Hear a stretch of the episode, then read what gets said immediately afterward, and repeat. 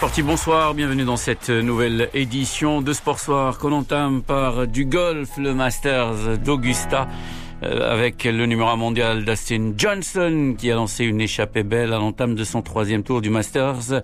Une avance qu'il maintient en ce moment même devant l'Australien Cameron Smith et le Sud-Coréen Sung In Dustin Johnson qui se positionne donc sérieusement pour remporter son deuxième majeur après l'US Open glané en 2016. L'Américain est en grande confiance. On l'écoute. J'ai une grosse confiance dans tout ce que je fais, je suis satisfait de mon niveau. Aujourd'hui, si je veux enfiler cette veste verte, je devrais faire la même chose car il y a de grands joueurs qui ne sont pas loin. Il est vrai que j'ai souvent perdu des majeurs à la dernière journée, mais si je joue comme hier, je stopperai cette maudite série. C'est juste 18 trous, je dois être solide. Et il peut se rassurer. Après 9 trous, il est toujours aux commandes, l'Américain Dustin Johnson.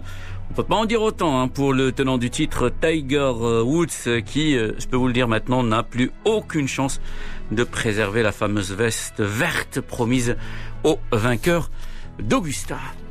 Formule 1, le Britannique Lewis Hamilton a remporté le Grand Prix de Turquie, disputé sur le circuit d'Istanbul, égalant par la même occasion le record de sept titres mondiaux de l'Allemand Michael Schumacher.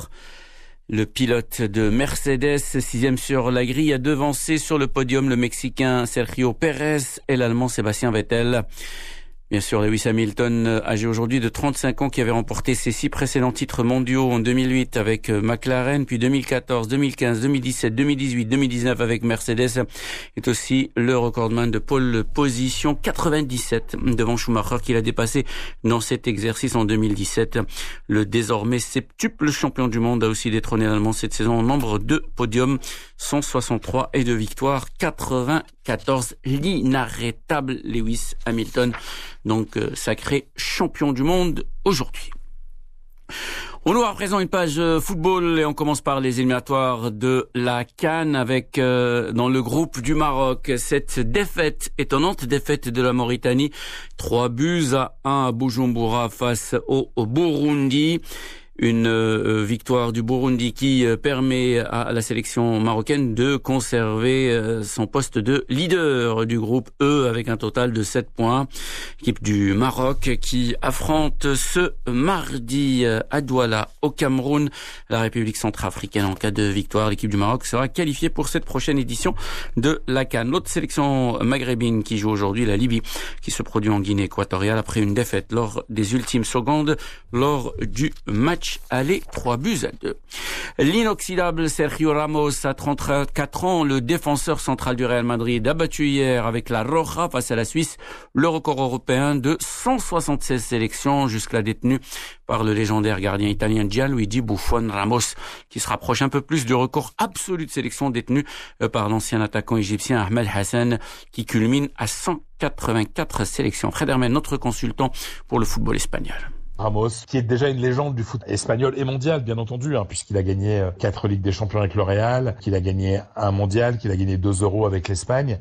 Et euh, Ramos, oui, voilà, c'est c'est la constance, c'est la puissance, c'est l'intelligence, c'est euh, le respect des autres, c'est le travail au quotidien parce que Ramos, si à son âge, il est toujours aussi performant, c'est parce que il fait très attention à lui et qu'il travaille énormément. Donc euh, c'est très plaisant de voir euh, ce, ce, joueur si, si haut, 176 cap, comme on dit en, sélection espagnole. Alors aussi, il bénéficie d'une chose aussi, c'est que l'Espagne, rappelez-vous, justement, je rappelais, rappelais le palmarès, est allé très très loin dans, les compétitions. Quand on va en finale, de, deux fois en finale d'un euro et une fois en finale d'un mondial, ça veut dire qu'on joue beaucoup de matchs. Aussi, quand on se qualifie toujours pour les phases finales, comme c'est le cas de l'Espagne depuis depuis un bon nombre d'années maintenant, bah, ça ajoute des matchs qui permettent de bah, de battre des records, donc euh, atteindre le record d'une de, légende du foot mondial comme euh, Buffon et le dépasser dans les prochains jours. Voilà, donc euh, pour Sergio Ramos, match face à la Suisse a vu par ailleurs notre ami Sergio Ramos rater deux penalties.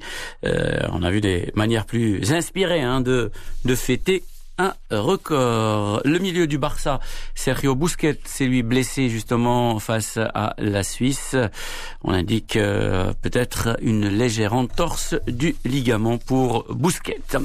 Puis en Angleterre, tel les feuilles depuis les arbres, Liverpool voit ses défenseurs tomber les uns après les autres cet automne. Après Virgil van Dijk, Trent Alexandre-Arnold et Joe Gomez, c'est au tour d'Andrew Robertson de rejoindre l'infirmerie.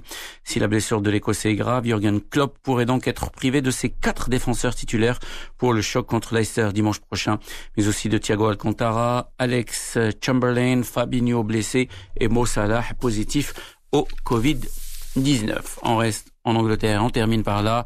Ray Clements, le gardien du grand Liverpool au tournant des années 70-80 et de l'équipe d'Angleterre est décédé aujourd'hui à l'âge de 72 ans. Recruté en 67 par le mythique Bill Shankly, Ray Clements a remporté trois coupes d'Europe des clubs champions 77, 78, 81, deux coupes de l'UEFA 73, 76 et cinq championnats d'Angleterre avec le Reds. Clements a également eu 61 sélections avec l'équipe d'Angleterre avant d'être éclipsé par Peter Shilton qui reste à ce jour le joueur le plus capé avec les Three Lions avec 125 matchs. Vous écoutez Médien, il est 18h46 minutes. C'est la fin de cette édition de Sport Soir. Merci de l'avoir suivi. Excellente soirée.